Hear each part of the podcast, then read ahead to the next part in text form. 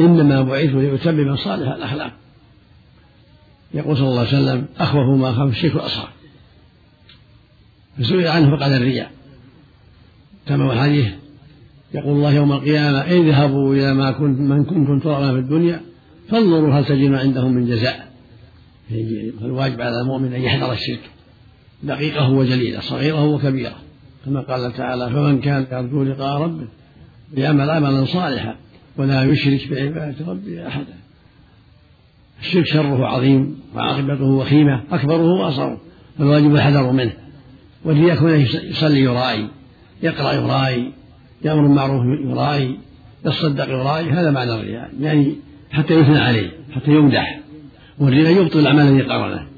إذا صدق يرائي بطلت مع الإثم قرأ يرائي لم يحصل له ثواب بل عليه إثم. أمر بالمعروف ونهى عن يرائي ليس له أجر بل عليه إثم. وهكذا التسميع. هو من الرياء. من يفعل شيء يسمع يمدح. في الحديث من يسمع يسمع الله به. ومن يرائي يرائي الله به. كما جاء في حديث جندب عند مسلم والبخاري. وعند مسلم عن عباس من سمع سمع الله به من رأى رأى الله به. فالرياء يكون في الأقوال ويكون في الأعمال. وما كان في الأعمال يسمى سمعة. كان يقرأ يمدح. أو يتكلم بالأمر بالمعروف يمدح. أو ما أشبه ذلك. ما كان في الأقوال هذا يسمى تسميع. وما كان في الأعمال كالصدقة. يمد يده يتصدق أو يقوم يصلي أو ما أشبه ما يرى. ينبغي. بل يجب الحذر من هذا. وأن يكون المؤمن في أعماله كلها مخلصا لله يريد وجهه الكريم والدار الآخرة. والحديث الثاني يقول صلى الله عليه وسلم آية المنافق له إذا حدث كذب وإذا وعد أخلف وإذا تؤمن خان وفي الصحيحين عن عبد الله بن عمرو بن العاص رضي الله عنهما أن النبي عليه السلام قال أربع من كنا فيه كان منافقا. خالصا. وما كانت في خصلة منا كان في خصلة من العلم حتى يدعها. إذا حدث كذب وإذا وعد أخلف وإذا خاصم فجر وإذا عاهد غدر. والله يقول جل وعلا. إن المنافقين يخادعون الله وخادعهم. وإذا قاموا إلى الصلاة قاموا كسالى. يراؤون الناس ولا يذكرون الله إلا قليلا. مذبذبين بين ذلك. لا إلى هؤلاء ولا إلى هؤلاء. هذه الآية الكريمة مع الأحاديث كلها تدل على وجوب الحذر من أخلاق أهل النفاق والبعد عن صفاتهم الذميمة.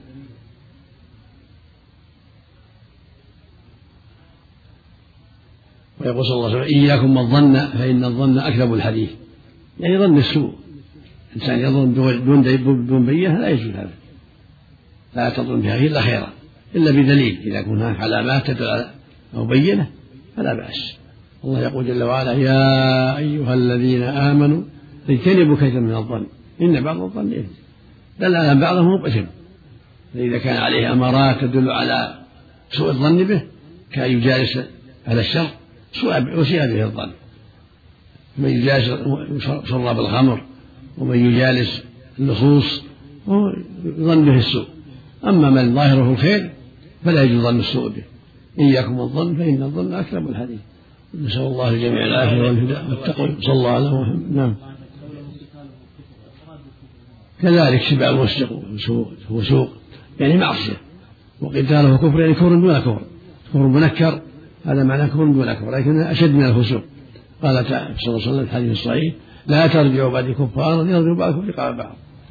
سمى القتال كفرا تنفيرا منه ولأنه من خصال الجاهلية. صلى الله عليه وسلم.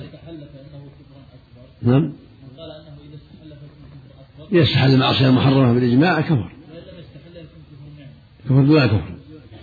لكن من استحل الزنا أو ظلم الناس أو شرب الخمر؟ كفر كفر أكبر نسأل الله. الله إليك إذا دخل إنسان في عمل صالح وفي أثناء دخله الرياء ألا يبطل من أصل الحديث أنا أغنى الشركاء أحسن الله إليك؟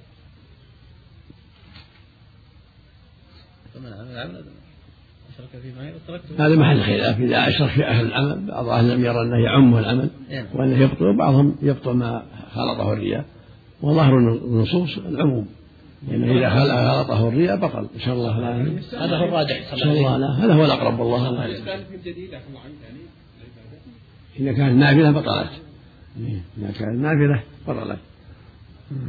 يعني يقصد يا شيخ إذا إذا دخله الرياء يعالجه ويصلي ولا يخرج من الصلاة؟ لا إذا عالجه سلم. إذا عالجه وأبعدها عن نفسه ما يضره إن شاء الله الرجل الرجل في عمله يحب أن أن يعلم عن مديره أو المسؤول عنه أنه عمل كذا وكذا فليدخل هذا في الرياء لا مو في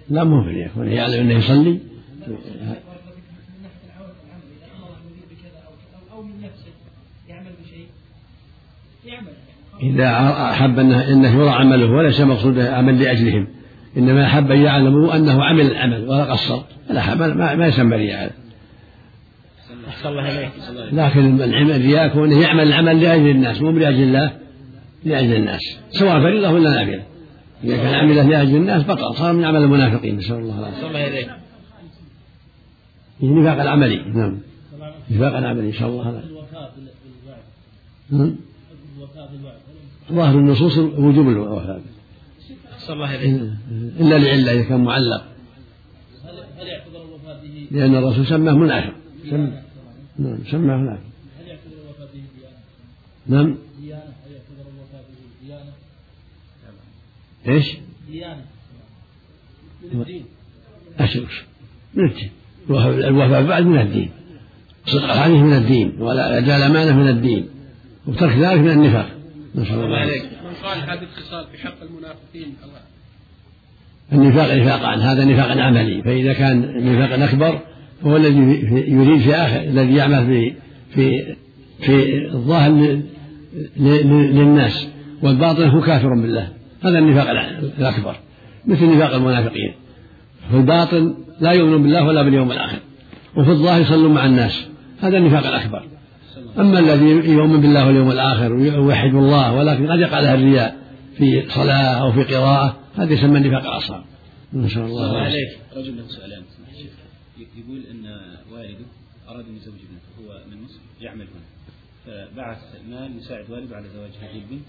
ويقصد بيرضى اباه لكن الأب قال اكتب لك من ارضي مقابل هذا المال. لأن أخاك الآخر طلب أرض مقابل المال المساعده لزواج هذه البنت هو كان نيته البر. إيش؟ كان نيته البر أن يعطيها الوالد ولا يأخذ شيء.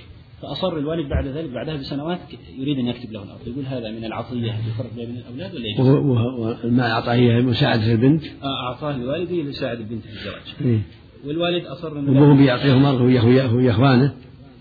أبوهم بيعطيهم أرض يسوي بينهم. آه، لا يعطي مقابل هذا المال لأن الولد أعطاه. من عمل هنا بالسعودية أعطى لا, لا يقبل إلا أن يعطي إخوانه مثلهم بس ساعة ما أراد يعطيه المال قال له بال- بالثمن كنت أبيع لغيرك الأرض أبيع لك كأنك مثل إذا إذا شرح بالثمن ما. مثل الناس ما. جزاكم الله. لو سؤال آخر أحسن أحد. الأخوان في- بالنسبة للدفن يقول البلد ال- المدفن المتيسر ولا يوجد غيره قريب من ال- من الماء محل الماء يعني البحر فيأتي ال- ال- الماء إلى الأموات من من أسفل الأرض. فاضطروا إلى أنهم يبنوا حول القبر ويجعلوا الميت يعني مرتفع ما هو لحد في الأرض ويبنوا عليه بال- بالطوب ال- الآجر يمحروها وغير ذلك ويجعلوا لها باب من حديد خوفا على الميت من الماء يجوز لهم هذا. وراهم ما يحطون شيء يمنع أن حجر؟ ما وجدوا إلا هذه الطريقة اللي الطوب اللي هو الإسمنتي وهذا. ورا ما يحطون شيء حجر الألواح ولا شيء تمنع الماء. ثم يضعوا الميت يعني عليه خشب شيء. إيه خشب ولا لبن ولا ح- حجر. اللبن الماء يفسد. لا, لا حجر. حجر ولا ألواح؟ لكن الطوب هذا لا. لأن نهى يبنى على الميت أو يجصص عليه لكن يح- يحطوا حجارة أو ألواح ثم يدفن الميت ثم يحط اللبن فوقه بداخل الأرض لابد يعني ما ينفع على إيه، السطح إيه. لابد يحفر له الشيء. الشيء الذي يمنع الماء بس هذا هو. صلى الله عليه أحد الأخوان في أنفه حبة خال أزالها بعملية صغيرة. هل هذا يعتبر من ما لا ما لا ما وعن معقل بن يسار رضي الله عنه قال سمعت رسول الله صلى الله عليه وسلم يقول ما من عبد يسترعيه الله رعية يموت يوم يموت وهو غاش لرعيته إلا حرم الله عليه الجنة. متفق عليه. وعن عائشة رضي الله عنها قالت قال رسول الله صلى الله عليه وسلم اللهم من ولي من أمر أمتي شيئا فشق عليهم فاشقق عليه. أخرجه مسلم. وعن أبي هريرة رضي الله عنه وعن أبي هريرة رضي الله عنه قال قال رسول الله صلى الله عليه وسلم إذا قاتل أحدكم. فليجتنب الوجه. متفق عليه. وعنه رضي الله عنه أن رجلا قال يا رسول الله أوصي أوصي أوصي أوصني. قال لا تغضب فردد مرارا وقال لا تغضب. أخرجه البخاري. بسم الله الرحمن الرحيم. الحمد لله صلى الله وسلم على رسول الله وعلى آله وأصحابه ومن أما بعد فهذه الأحاديث توجب الحذر من الغش والخيانة وهذا الواجب على كل من ولي شيء من أمر المسلمين أن ينصح لهم وأن يجتهد في أداء الأمانة وأن يحذر الخيانة. يقول صلى الله عليه وسلم ما من عبد يسر إلا له رعية ثم يموت يوم يموت وهو غش رعيته إلا حرم الله عليه الجنة. الوعيد شديد سواء كانت الرعية كبيرة كالإمام العام والسلطان العام أو صغيرة كأمير القرية شيخ القبيلة ونحو ذلك وولي الأيتام وغير ذلك. وفي اللفظ الآخر عند مسلم ما من عبد ما من أمير يبرا شيئا من أمر المسلمين ثم لا يجهل له ما ينصح إلا لم يدخل معهم الجنة. وفي رواية مسلم أيضا عن عائد بن عمرو المزني أن النبي عليه السلام قال إن شر الرعاء الحطمة. إن شر الرعاء الحطمة. يعني لا يبالي برعيته. يحطمها. يمشي بالغنم والإبل ونحوها في الطرق التي تضرها. فإذا كانت الرعية من بني آدم صار الأمر أشد. والواجب الحذر من الغش والخيانة وتعريض الرعية لما يضرها من سواء كان من بني آدم أو من غير بني آدم. يقول صلى الله عليه وسلم اللهم من ولي من أمر أمتي شيئا فشق عليه فاشق عليه. رواه مسلم من حديث عائشة رضي الله عنها.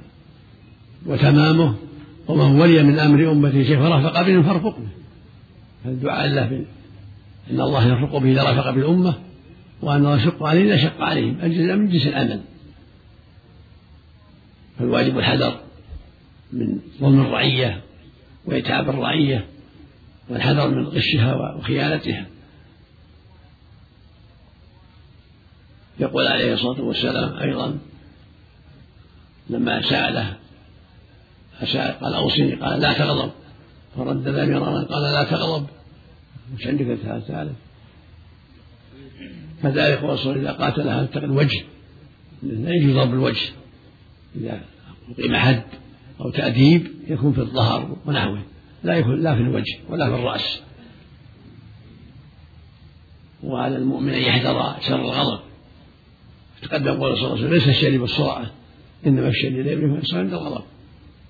فإذا بلي بالأسباب التي توجب الغضب فليستعذ بالله من الشيطان وليجتهد في أسباب إزالة الغضب من الوضوء والجلوس والاشتغال بشيء آخر لعله يزول عنه الغضب لأن الغضب قد يجره إلى ما لا تمتع به قد يجره إلى سب أو طلاق أو ضرب أو قتال فالغضب شره عظيم ومن أسباب ومن أعظم الأسباب في إطفائه التعوذ بالله من الشيطان. بالنسبة ذكرت انه يجعل بالحجاره من جهه الماء ثم باللبن. يقول إن اذا كانت المقبره جماعيه يعني بعض القرى لفقرها يجعلوا المقبرة هذه ولا جماعيه بحيث إذا مات ميت ولو بعد مدة يفتحون ويضعوه إلى جنب الآخر هكذا. فتكون كبيرة. المقصود بس لا يبنى عليه. يحطوا الواح وما ألواح ولا بأس. جماعيه ولا ما هي جماعيه ألواح ولا حجارة ثم يوضع الميت ثم يوضع اللبن عليه. لا ما يصح هذا. بناء على الراس والنهي بناء على لكن مسقوفه بالخرسانه لا لا ما يصلح حط عليها اللبن, اللبن والتراب. هذا تحت يفصل بينه وبين الخشب والحجارة. ثم بعد ذلك عليها اللبن والتراب هو حتى يعرف أنه قبر. بالنسبة للفتح على الميت بعد اخر لا باس إذا كان عنده ضرورة فعنده ذكر في الأرض لا بأس. وما كان عنده سعة فالواجب اتخاذ مقابر متعددة. هذا هذا مشروع. الله إليك بارك الله فيك. يكون بيع الطعام جزافا بدون كيل أحسن الله إليك. ما هي بس يستثنى من عموم الأحاديث الأخرى من طعام فنبيع حتى يختاره إذا باع الكيل أي نعم.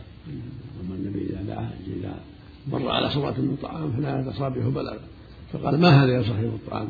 ألا جاءت فوق الطعام خيره الناس من غشنا فليس منا ورخص بالصبغة الجزافة أحسن الله. حديث إذا ضرب أحدكم فليجتنب الوجه فإن الله خلق آدم من أصل صحيح صحيح. سورة الله. سميعا بصير يتكلم مثل ما أن الله سميع بصير يتكلم ولا يلزم منه المشابهة لأن الله قال ليس كمثله شيء. لكن السميع والعبد بصير سميع. والله بصير والعبد بصير. والله له يد والعبد له اليد والله له اليد والعبد له اليد كل هذه واقعة. نعم. لكن لا لا شيء لا لا مشابهة ولا تمثيل. نعم؟ ضعيف صحيح. صح احمد وإسحاق وغيرهما. إثبات صفة الملل لله سبحانه وتعالى. وصية يقول لا يشابه المخلوقين صحت حديث النهي عن السدل وان يغطي الرجل فعل الصلاة. ما اتذكر حاله إلا حرم عليه الجنة. من باب من باب الوعيد. من باب الوعيد. دخول النار وتحريم الجنة من باب الوعيد. إلا من كفر. كفرا أكبر هذا يخلد في النار. نسأل الله. إن الله لا يغفر أن يشرك به ويغفر ما دون ذلك لمن يشاء. داخل فيها ما حرم الله أن يدخل النار مثل ومن يقتل المتعبة فجاءه وجاء خالدا فيها غاضب الله عليه ولعنه وعد له عذابا عظيما كذلك من انتسب إلى غير أبيه حرم الله عليه الجنة. نعم. وأشبه. نعم. رجل طلق امرأته وله منها أولاد وانتهت عدتها ويعطيها النفقة لأجل اولاده هل يلزمه أن يوفر لأجل الأولاد سكن أم يعني تسكن عند أبيها ويعطيها نفقة المأكل والمشرب للاولاد فقط؟ هذه هذه عند عند عند القضاة عند القضاة إن اصطلحوا ولا يتراجعون راجعوا القضاة. أحسن الله عليك هل ورد في السنة في رجل نعم. هل ورد في السنة؟ ثبت في الحديث ابن عمر أن النبي اعتبر في رجب كان السلف يعتبرون في رجب لا بأس. ذكر ابن رجب في طبقات في كتابه الطبقات. نعم. يعني جزء لا بأس. نعم. الرجل له كتاب الطبقات. في اللطائف في اللطائف. اللطائف في اللطائف. اعتبر النبي صلى الله عليه وسلم في رجل ثبت من حديث عمر. وعائشة وجماعة خالفوا ابن عمر. نعم. قالوا ما اعتبر في رجل هل يقول ببدعيتها لا ما لا ما مو صحيح. حديث حديث حديث عمر ثابت وابن رجب ذكره عن السلف عن عمر وغيره. والحديث صحيح. نعم نعم. عمر وعن خولة الأنصارية رضي الله عنها قالت قال رسول الله صلى الله عليه وسلم إن رجالا يتخوضون في مال الله بغير حق فلهم النار يوم القيامة. أخرجه البخاري. وعن أبي ذر رضي الله عنه عن النبي صلى الله عليه وسلم فيما يرويه عن ربه قال يا عبادي إني حرمت الظلم على نفسي. وجعلته بينكم محرما فلا تظالموا. أخرجه مسلم. وعن أبي هريرة رضي الله عنه أن رسول الله صلى الله عليه وسلم قال أتدرون ما الغيبة؟ قالوا والله ورسوله أعلم. قال ذكرك أخاك بما يكره. قيل فرأيت إن كان في أخي ما أقول؟ قال إن كان فيه ما تقول فقد اغتبته وإن لم يكن فيه فقد بهته أخرجه مسلم. وعنه رضي الله عنه قال قال رسول الله صلى الله عليه وسلم لا تحاسدوا ولا تناجشوا ولا تباغضوا ولا تدابروا ولا يبع بعضكم على بيع بعض. وكونوا عباد الله إخوانا المسلم أخو المسلم. لا يظلمه ولا يخذله ولا يحقره. التقوى ها هنا. ويشير إلى صدره ثلاث مرات. بحسب امرئ من الشر أن يحقر أخاه المسلم. كل المسلم على المسلم حرام. دمه وماله وعرضه. أخرجه مسلم. بسم الله الرحمن الرحيم. الحمد لله. وصلى الله وسلم على رسول الله وعلى آله وأصحابه ومن اهتدى به أما بعد فهذه الأحاديث الأربعة كالتي قبلها فيها ترحيم مساوي الأخلاق ومما حرم الله جل وعلا. الواجب على المؤمن أن يحاسب نفسه وأن يحذر ما حرم الله عليه. يقول صلى الله عليه وسلم إن رجالا يتحوضون فيما الله بغير حق فلهم النار يوم القيامة. تلاعب بالأموال فيما حرم الله من أسباب غضب الله ودخول النار. فالواجب على المؤمن أن يحفظ ماله وأن يصونه عما يغضب الله وأن يصرف فيما أباح الله وفيما شرع الله. أما التهور في ما حرم الله من المعاصي والفساد هذا من أسباب غضب الله ودخول النار نسأل الله العافية. يقول عليه الصلاة والسلام مع روي عن ربه إن الله جل يقول يا عبادي إني حرمت الظلم على نفسي وجعلته بينكم محرما فلا تظالموا. ربك يقول جل وعلا إن الله لا يضرب مثقال ذرة. ويقول سبحانه وما ربك بظلام للعبيد ويقول جل وعلا ومن يظلم منكم نذيقه عذابا كبيرا فالواجب الحذر من الظلم في النفس والمال والعرض يجب على المؤمن أن يحذر ظلم الناس في كل شيء. لخبث الظلم وعظم عقوبته. وهكذا الغيبة من الظلم. وهي ذكرك أخاك ما يكره. هي من الظلم أيضا. الظلم القولي. يا رسول إن كان في أخي ما يقول قال إن كان فيما تقول فقد كتبته وإن لم يكن فقد فاتته إن كان سيء الخلق قال فلان سيء الخلق فلان يتعاطى كذا المنكرات. إن كان صادقا فقد اغتابه وإن كان كاذبا فقد بهته. الواجب الحذر من الغيبة. الله يقول ولا يغتب بعضكم بعضا. وهي من أسباب الوحشة بين الناس والبغضاء والفرقة والاختلاف. وفي الحديث الصحيح يقول من حديث أنس يقول صلى الله عليه وسلم إنه رأى ليله اسري به رجال لهم أظفار من نحاس يخمشون بها وجوههم وصدورهم فسأل جبرائيل عنهم ومن هؤلاء؟ قال هؤلاء